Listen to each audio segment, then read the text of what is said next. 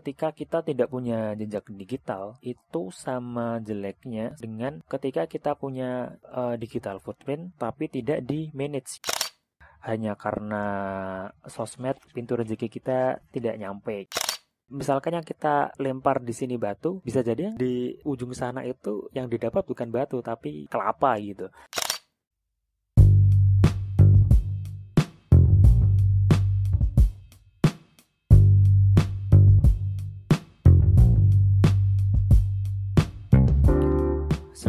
di podcasting episode ke-7 bersama aku Hamas, host dari podcasting.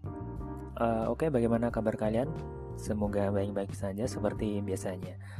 Um, pertama-tama ini sih mungkin aku bakal ngucapin terima kasih, makasih banget yang udah dengerin podcast Things ini. Uh, ya gimana ya? Uh, ternyata ada yang denger gitu makasih banget yang udah dengerin uh, terus mungkin bingung kali ya.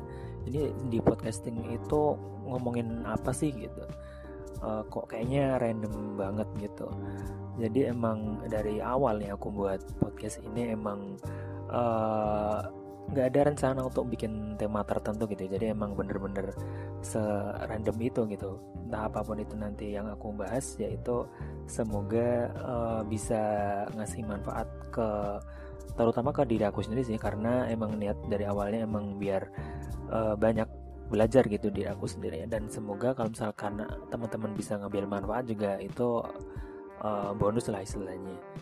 Jadi seperti itu.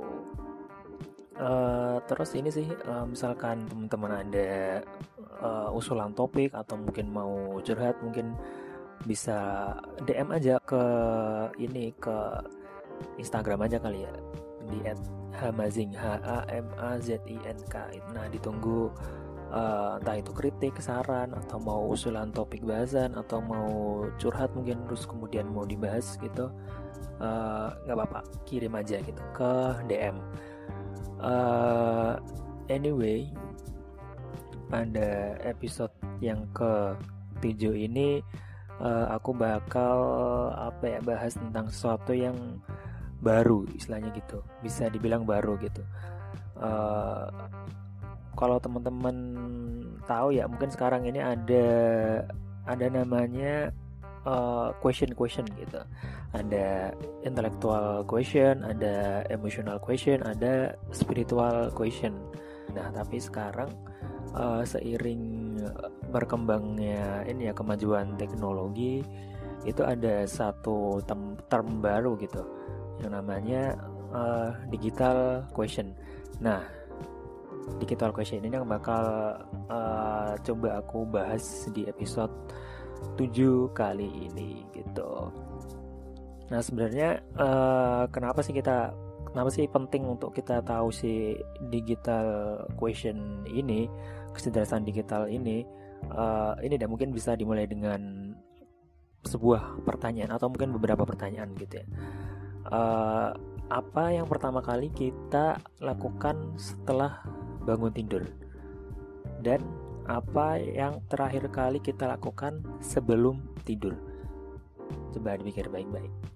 Kalau jawabannya itu uh, main HP atau bisa dibilang ya ngecek notifikasi atau uh, main sosmed nah itu berarti uh, ini dunia digital itu sudah benar-benar uh, apa ya involve ke dalam diri kita gitu. Sampai uh, hal yang pertama kali kita lihat dan hal yang pertama yang terakhir kali kita lihat itu dua-duanya adalah dunia digital gitu dan emang ini sih kak uh, kalau dirasa ya dunia digital tuh sekarang ini udah udah jadi kayak kebutuhan mendasar gitu lebih dari bukan lebih sih uh, sama sama pentingnya dengan uh, sandang papan dan pangan gitu kalau bisa dibilang uh, kebutuhan dasar gitu ya.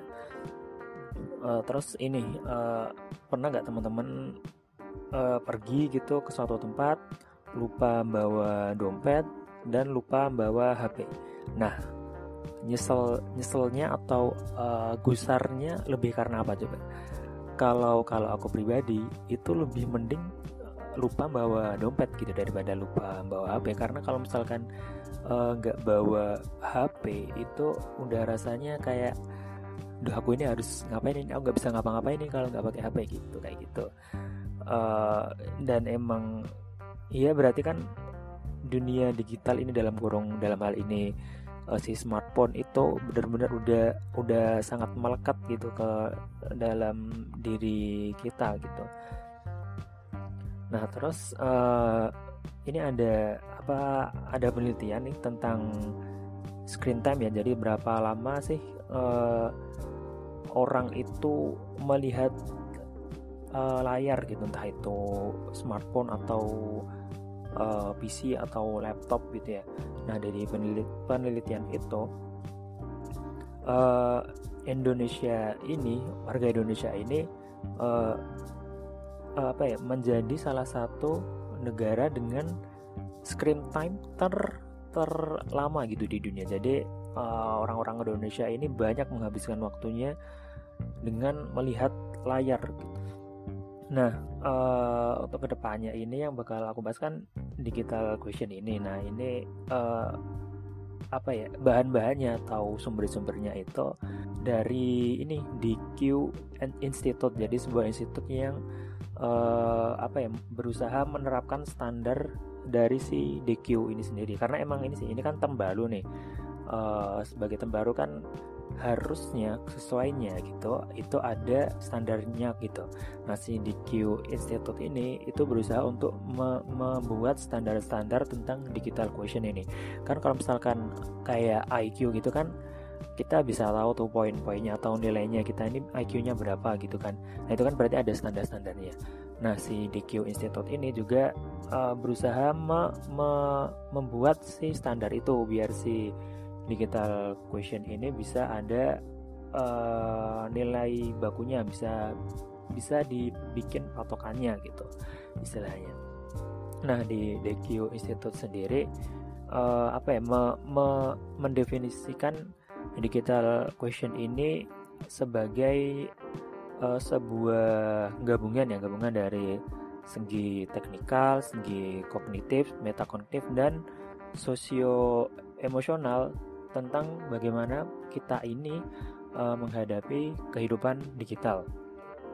Nah, si uh, eh, DQ Institute ini menjelaskan gitu, kalau di digital question ini terdiri dari tiga level terus yang dari sana dibagi lagi menjadi 8 area terus dibagi lagi menjadi 24 kompetensi nah tiga level si digital question ini itu ada uh, yang pertama itu digital citizenship.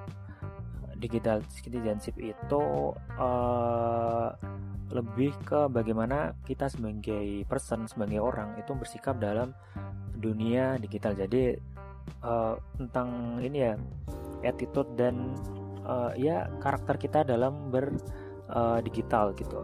Kemudian di level kedua itu ada digital creativity Nah itu berarti uh, gimana sih caranya kita uh, dalam tanda kutip pintar untuk menjadi bagian dari ekosistem dunia digital. Misalkan, uh, misalkan gimana sih cara kita bikin konten gitu, bikin suatu karya gitu di dunia digital. Kemudian yang level 3 nih, yang level apa bisa dibilang paling tingginya itu digital kompetitif.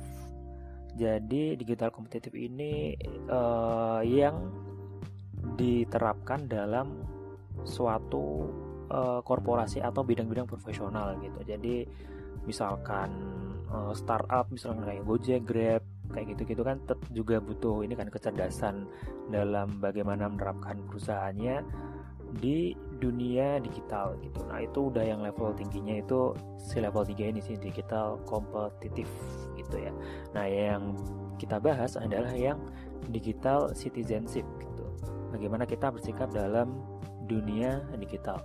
Nah, uh, jadi dari episode 7 ini harapannya bukan untuk kita uh, menjauhi dunia digital gitu ya, tapi lebih ke biar bagaimana kita um, memanage diri kita ini dalam menghadapi si dunia digital gitu. Karena uh, misalkan kita bicara tentang digital footprint ya jadi jejak digital kita. Uh, ketika kita tidak punya jejak digital itu sama jeleknya dengan ketika kita punya uh, digital footprint tapi tidak di manage gitu Nah, terus mungkin langsung masuk aja ya ke ke bahasanya.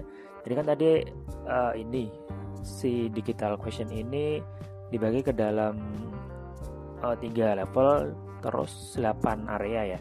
Nah, yang kita bahas kan digital citizenship. Nah, di digital citizenship ini ada 8 apa ya bisa dibilang area itu seperti uh, komponen gitu ya bisa dibilang Nah, yang pertama itu ada ini digital identity. Nah, digital identity ini adalah uh, kemampuan kita untuk mengelola identitas atau uh, reputasi kita di dunia digital gitu. Nah, jadi uh, di sini lebih dibahas tentang gimana sih kita tuh pengen dikenal dalam dunia digital. Misalkan uh, pasti teman-teman tahu kan yang namanya personal branding gitu. Jadi bagaimana orang bagaimana kita memasarkan diri kita kepada uh, orang lain kita ini pengen di dicap atau dipersepsikan seperti apa sih orang orang lain. Nah di dunia digital ini itu penting untuk kita uh, aware bahwa semua orang itu bisa mengakses sendiri kita gitu. Dan kita harus harus ini dong harus harus paham dong harus bisa mencitrakan diri kita uh, sesuai dengan apa yang goalnya kita mau gitu. Dalam hal ini juga persepsi itu atau reputasi itu bisa berguna dalam dunia pekerjaan gitu. Uh, karena ini aku kemarin baca-baca juga ternyata uh, di perusahaan-perusahaan tertentu itu kan rekrutmennya macam-macam tuh uh, jenisnya. Jenis rekrutmennya tahapannya juga macam-macam gitu loh. Nah di beberapa uh, perusahaan itu ternyata HRD-nya itu melihat media sosial dari calon karyawannya gitu. Karena uh, sosmed itu bisa dianggap sebagai jendela dari karakter seseorang gitu. Nah jadi ketika kita misalkan di di di medsos gitu dalam tanda kutip aut-autan itu hati-hati tuh. Jangan-jangan nanti misalkan ketika kita melamar pekerjaan suatu pekerjaan uh, sosmed kita itu dilihat oleh HRD perusahaan itu dan karena tahu sosmednya kita aut-autan si HR, HRD-nya itu ya nyoret kita dong dari daftar uh, calon karyawan gitu. Itu kan nah itu kan sayang sayang banget ya kalau misalnya kejadian kayak gitu. Masa hanya karena sosmed pintu rezeki kita tidak nyampe gitu. Nah kemudian yang kedua itu ada digital use atau pemanfaatan digital. Nah, dunia digital kan itu alat ya, jadi tools gitu ya. Nah, sebagaimana tools yang lainnya itu tuh bisa ada dua sisi gitu, bisa jadi sisi bisa jadi alatnya yang bernilai positif ataupun bernilai negatif gitu. Nah, itu lagi-lagi tergantung sama si penggunanya gitu. Nah, misalkan di Instagram deh. Mungkin sekarang ini kita banyak yang menganggap Instagram ini makin lama makin toksik gitu. Isinya cuma orang-orang yang pamer atau mungkin pemilu kemarin saling inilah saling hujat satu sama lain yang cembong kamret itu. Itu kan toksik ya. Nah tapi kalau kita sadari sebenarnya itu itu bisa ini kok bisa kita kita apa ya kita hindari gitu. Maksudnya ada kok akun-akun yang justru kalau kita follow itu uh, kita dapat sisi positifnya gitu. Artinya kita bisa belajar dari situ. Misalkan kalau anak muda follow akun ini Joska gitu financial planner ya. Jadi dengan kita follow ini contoh aja ya jadi bukan gimana gimana jadi misalkan kita follow si Joska itu kita bakal dapat materi materi materi tentang uh, financial gitu. Dan itu kan sangat positif ya kita jadi lebih aware tentang dunia finansial terus kita bisa ter ter ya lebih teredukasi lah kayak gitu. Dan akun-akun dengan tema yang setipe atau mungkin hal setipe itu banyak misalkan tentang perpajakan tentang saham tentang teknologi. Akun-akun yang mengedukasi itu banyak sebenarnya. Dan kalau kita follow follow akun-akun itu ya kita bakal dapat manfaatnya. Instead of kita hanya follow person yang yang bisa jadi mungkin ya itu tadi lebih banyak ke uh, show offnya gitu. Itu kan kalau misalkan kita ngelihat orang show off mulu kan ya ya gimana sih kita bakal kena toksiknya juga kan kayak gitu. Jadi ya bener-bener positif negatifnya tergantung uh, kitanya masing-masing gitu bisa manfaatin si dunia digital ini atau enggak gitu. Kemudian dalam uh, pemanfaatan digital ini kita juga harus uh, aware nih kalau misalkan uh, kita ini harus seimbang dalam penggunaan dunia digital gitu artinya kita harus menyeimbangkan antara uh, dunia online dengan dunia nyata gitu. Jangan sampai kita terlalu uh, involve ke dalam dunia online. Misalnya kita lagi kumpul bareng teman gitu ya.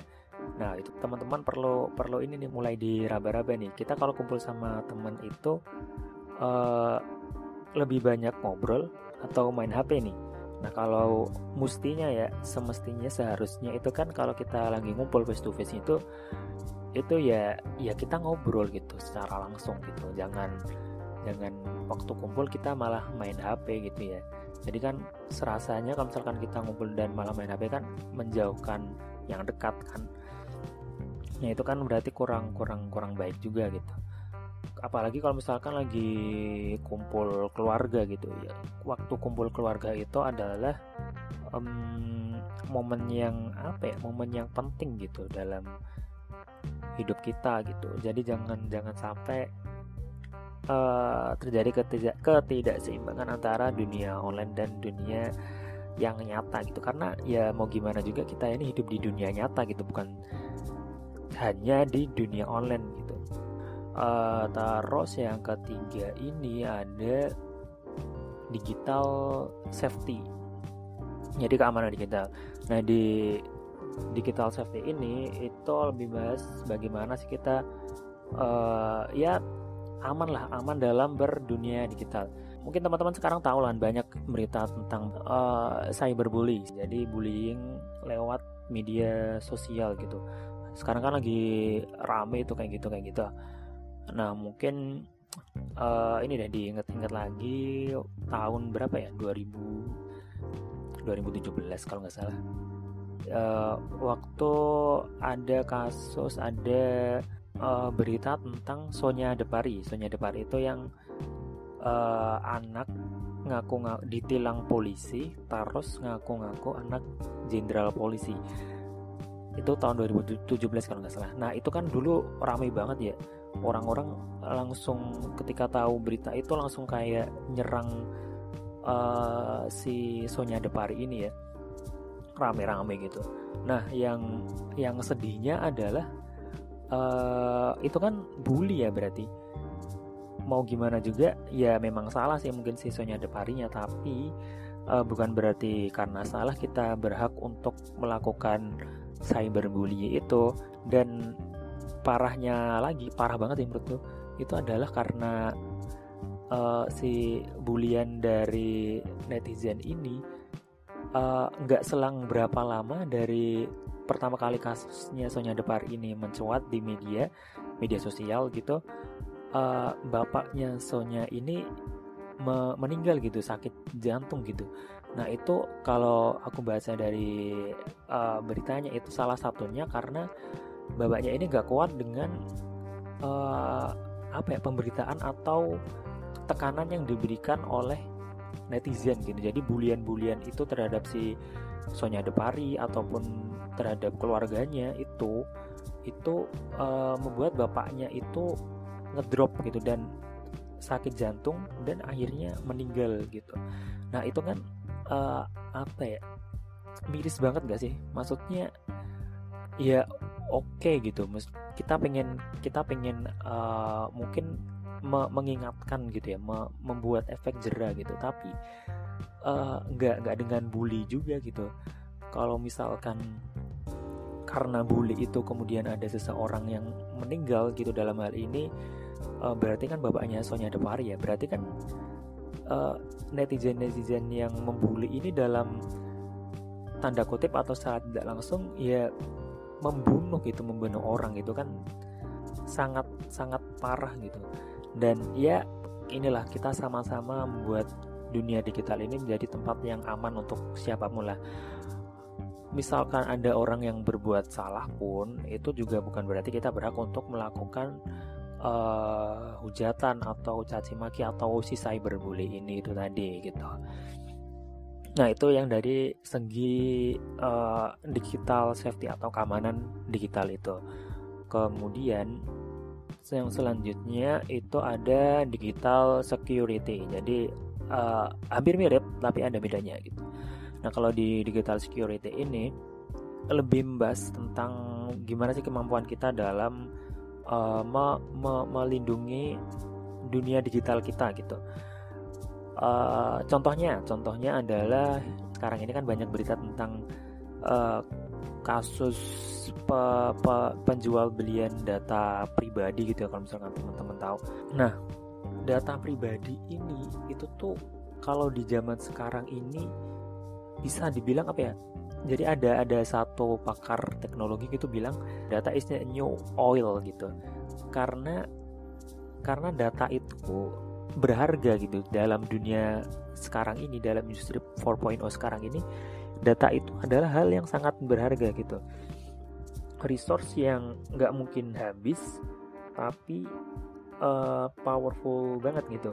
Misalkan uh, sekarang ini BUMN mengeluarkan ini kan uh, payment apa sih namanya? Hmm, fintech lah fintech. Itu si link aja gitu. Link aja. Jadi link aja ini dibuat oleh BUMN salah satunya untuk ya ini sih um, berkompetisi dengan misalkan kayak GoPay kayak OVO kayak Dana. Itu kan digital payment digital wallet ya gitu kan. Nah itu itu salah satu alasan mereka membuat itu adalah uh, untuk bisa dapat uh, dalam hal ini data tapi dalam hal positif ya jadi dengan data ini kita itu bisa mencari strategi-strategi yang efektif. Jadi kalau misalkan di dunia fintech ya dalam pay payment digital ini, uh, kalau misalkan kita pakainya cash, ketika kita bayar ya udah itu hilang gitu aja. Kita cuma nyerahin barang doang gitu. Tapi kalau dengan dengan uh, digital digital payment itu kita akan meninggalkan jejak data gitu. Nah dari situ kita bisa eh si digital payment ini bisa tahu nih kecenderungan orang-orang dalam misalkan melakukan pembelian terhadap suatu barang atau jasa gitu ya. Jadi dari situ tuh bisa digunakan oleh perusahaan untuk menentukan uh, barang apa sih yang sebenarnya sedang ngetren atau banyak dicari. Nah, itu kan bisa untuk efektivitas produk gitu ya. Dan itu itu itu sangat sama berharganya dengan si misalkan si minyak tadi itu gitu. Uh, terus ini nih, mah tadi kan bahas tentang keamanan datanya ya, tentang security digitalnya ya. Nah itu kan banyak jual beli data pribadi ya. Nah itu teman-teman perlu uh, hati-hati sih, misalkan um, sedang transaksi apa gitu, suatu benda gitu, terus diminta foto kakak, foto KTP dan um, foto wajah dengan KTP gitu. Nah itu perlu hati-hati banget tuh, karena uh, bisa jadi itu bakal diperjualbelikan gitu datanya karena di uh, sekarang ini kan banyak ini kan banyak uh, fintech yang tentang kredit-kredit gitu kan misalkan kayak apa ya hmm, kredivo pokoknya yang pinjaman-pinjaman online gitulah itu kan salah satu salah satu syarat uh, daftarnya itu kan dengan foto KTP itu kan foto KTP dan kita selfie dengan si KTP itu Nah itu kalau misalkan data KTP dan foto kita selfie dengan KTP itu dipakai oleh orang lain untuk melakukan pinjaman uh, kredit online itu, itu kan bahaya banget ya. Yang pinjem duit orang lain, tapi yang ditagih kita gitu. Dan itu kan ngeri banget. Dan itu udah terjadi itu kasusnya di mana uh, ada orang yang nggak tahu apa-apa tiba-tiba di uh, ditagih gitu ditagih dan udah tagihannya itu puluhan juta. Nah itu kan ngeri banget kan ya kayak gitu. Uh, terus ini nih uh, misalkan teman-teman install aplikasi kredit online gitu. Nah itu biasanya si aplikasinya ini bakal minta akses kan, minta izin akses kan. Dan kalau misalkan di uh, aplikasi kredit online ini rata-rata mereka me meminta akses untuk masuk ke data kontak pribadi gitu. Artinya mereka bisa mengakses kontak kita gitu, kontak nomor kita gitu.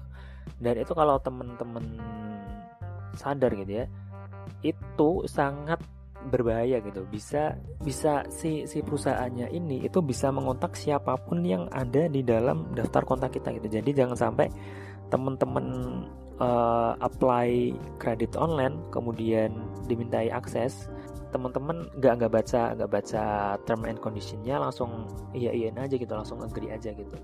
Karena karena sering kan di uh, kasus kredit online ini tiba-tiba misalkan di dalam kontak HP kita tuh ada nomor petinggi kantor kita, atasan kantor kita. Nah, bisa aja, bisa banget itu si uh, perusahaan peminjaman online ini uh, cara menagihnya adalah dengan bukan melewati kita gitu. Maksudnya mungkin pertama kali kita bakal di, dihubungi oleh peminjam online gitu. Nah, ketika kita mungkin seret gitu bayarnya. Nah, si perusahaan peminjaman online ini itu bisa banget untuk nelpon di kontak atasan kita gitu. Nah, itu kan bisa bisa ini ya bisa berakibat fatal gitu ya. Bisa kalau yang di kasus sih sampai si orangnya ini dipecat gitu karena si perusahaan kredit online-nya itu nelpon atasannya gitu. Nah, itu kan juga juga perlu hati-hati kan ya berarti kita dalam dalam memberikan akses ya kita perlu sadar banget sih apa sih akses yang kita berikan terhadap suatu aplikasi kayak gitu. Karena lagi-lagi data pribadi itu penting gitu ya. Uh, nah selanjutnya itu ada ini digital emotional intelligence. Jadi bagaimana sih kita uh, berempati secara digital? Karena ini ya karena kita mungkin ini ya sering kali ngerasa ini kan dunia online ya kita nggak berhadapan nggak bertatapan langsung dengan uh, orang yang di seberang sana gitu ya. Padahal kalau perlu disadari ya, di ujung sisi lain HP kita ini pasti juga manusia juga gitu yang punya perasa perasaan juga gitu. Jadi jangan sampai karena kita nggak bertatapan secara langsung gitu kita merasa bisa uh, berkata atau ngetik sesuka hati kita gitu. Jangan sampai kita uh, berkata kasar terus uh, ya langsung hujat-hujat orang gitu aja gitu. Nah ini aku ada cerita nih jadi berapa bulan yang lalu gitu. Mungkin awal-awal bulan Juni deh kayaknya. Seingatku awal-awal bulan Juni itu uh, aku kan lagi naik busway itu dan itu busway-nya penuh banget gitu ya. Uh, sangat sangat desak-desakan gitu ya. Nah itu aku nggak sengaja uh, ngeliatin tuh bapak-bapak lagi main HP lagi main Facebook deh kayaknya. Facebook gitu kan. Nah itu uh, si bapak-bapak ini itu komen nih terhadap suatu uh, postingan gitu. Nah si bapak-bapak ini kayak ngomong kasar gitu. Jadi me, dia me, me, membela argumennya tapi dengan kata-kata yang kasar gitu. Jadi uh, kata-katanya kurang lebih gini lu itu juga sampah. Kalau misalkan lu gak bisa gitu ya lu gak usah komen gitu. Kata-katanya kayak gitu. Pokoknya ada sampah-sampahnya gitu deh pokoknya dalam komentarnya itu. Nah itu kan wah aku langsung ini sih langsung wow gitu. Bahkan bapak-bapak men bapak-bapak pun ngetik atau komennya juga dengan kata-kata seperti itu gitu. Itu kan berarti si digital question ini uh, bukan berarti ketika udah gede terus dalam tanda kutip pinter berdigital tuh ya nggak juga gitu. Siapa pun perlu perlu melatih si digital question ini gitu. Kemudian ini nih dalam um, pemilu kemarin itu ya itu kan pasti banyak banget kan yang saling apa ya saling menyalahkan satu sama lain. Misalkan ada satu postingan yang berbau uh, pemilu dikit padahal si postingannya itu nggak nggak nggak menjurus ke situ gitu. Tapi di, di kolom komentarnya wah ini salah salah presiden nih presidennya gini gini gini. Atau makanya pilih yang ini nih karena ini tuh gini gini gini gini. Nah itu kan uh, ya kurang kurang oke okay aja sih gitu. Uh, kemudian ada contoh lain juga nih yang nggak kalah rame. Itu yang hashtag uh, justice for Audrey gitu yang kasusnya adalah waktu awalnya diberitakan tentang 12 remaja itu ngeroyok satu anak si Audrey ini gitu di medsosnya seperti itu. Nah orang-orang langsung rame banget tuh langsung nulis hashtag hashtag justice for Audrey gitu. Kemudian berbondong-bondong uh, melakukan pembelaan terhadap Audrey dan melakukan pembulian terhadap eh, orang-orang uh, yang dianggap melakukan pembulian terhadap Audrey gitu. Nah itu akhirnya gimana? Akhir dari uh, kasus Audrey ini bikin ini sih, bikin tepuk jidat sih. Karena yang diberitakan di medsos itu nggak nggak nggak sesuai gitu dengan yang kenyataannya gitu. Jadi netizen ini udah terlanjur latah gitu dengan justice for Audrey tapi ternyata si Audrey-nya ini pun juga dalam tanda kutip bersalah gitu. Sampai sampai sampai ini lucu banget ya ini.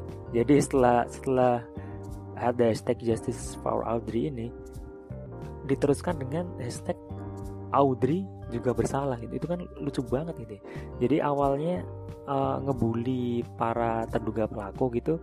Kemudian karena udah tahu faktanya gimana gantian si Audrey-nya gitu yang dibulinya itu kan uh, ya aneh gitu sebegitu pengennya kah kita membuli orang gitu ya Nah itu perlu ya perlu inilah lagi-lagi kita perlu lebih hati-hati sih dalam dalam berdigital gitu ya. Jadi jangan jangan sampai kita ini ketika ada suatu isu langsung dimakan mentah-mentah gitu.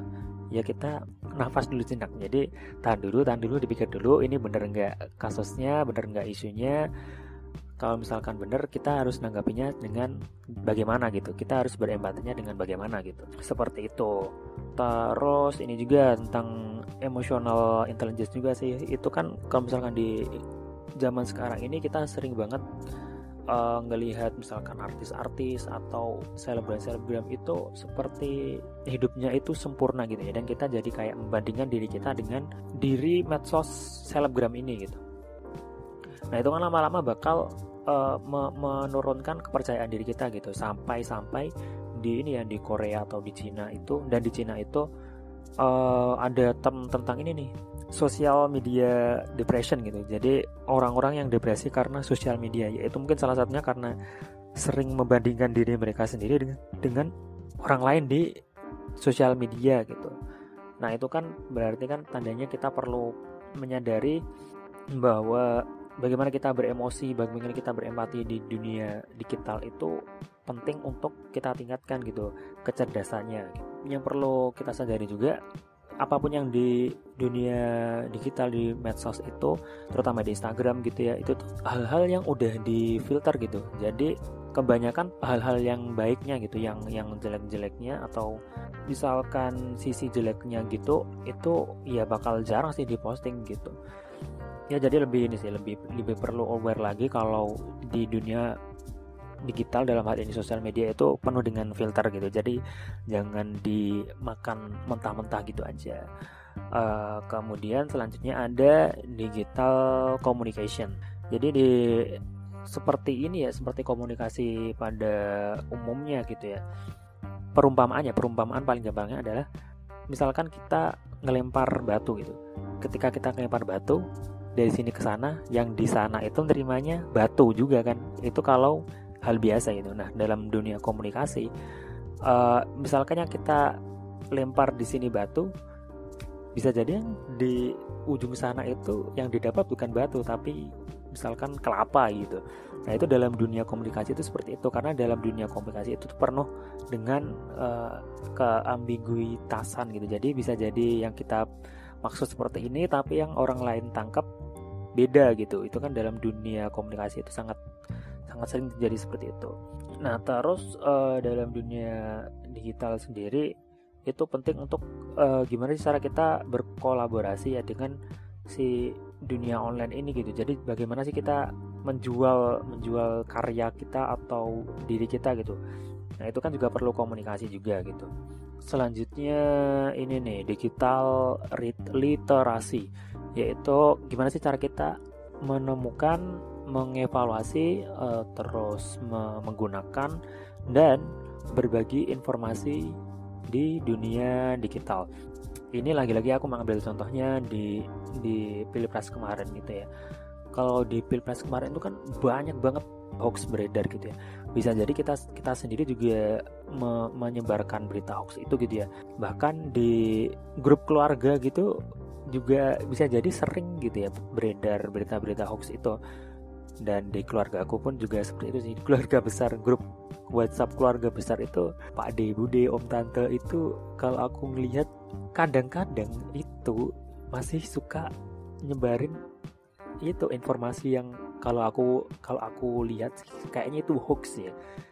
Kayak gitu sih. Jadi emang ya kita lebih perlu sadar lagi lah bahwa di dunia digital ini belum tentu semuanya itu benar gitu perlu lebih disaring lagi perlu difilter lagi gitu perlu sering-sering kita cek and recheck lagi gitu kebenarannya. Dan aku percaya sih jadi tidak semua informasi di dunia di dunia digital itu benar gitu. Kalaupun informasinya itu benar tidak semuanya itu perlu disampaikan eh, atau disebarkan gitu. Dan kalaupun itu perlu disampaikan sampaikanlah dengan cara yang benar gitu jadi runtut dari ujung ke ujung itu oke okay semua gitu penuh dengan kesadaran penuh gitu. Begitu itu kalau yang di digital literasi gitu.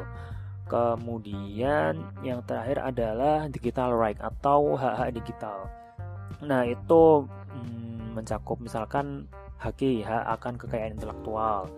Misalkan kita ngupload suatu gambar gitu. Nah kita kalau ngupload gambar itu karya orang lain ya kita harus kasih kredit atau kasih source-nya itu gambarnya dari mana karena itu karya orang lain loh kayak gitu. Kemudian jangan sampai kita melanggar privasi orang lain kan sering tuh bukan sering sih. Beberapa kali kan kita kayak IG story gitu kan uh, ngerekam orang yang kita nggak kenal gitu kan. Random aja gitu. Nah itu sebenarnya di sisi lain itu bisa jadi kita melanggar privasi orang gitu. Karena kita kan nggak minta izin ke orang yang kita rekam tersebut kan. Kita langsung uh, posting gitu aja gitu kan. Nah bisa jadi ya itu tadi kita melanggar privasi orang lain itu gitu.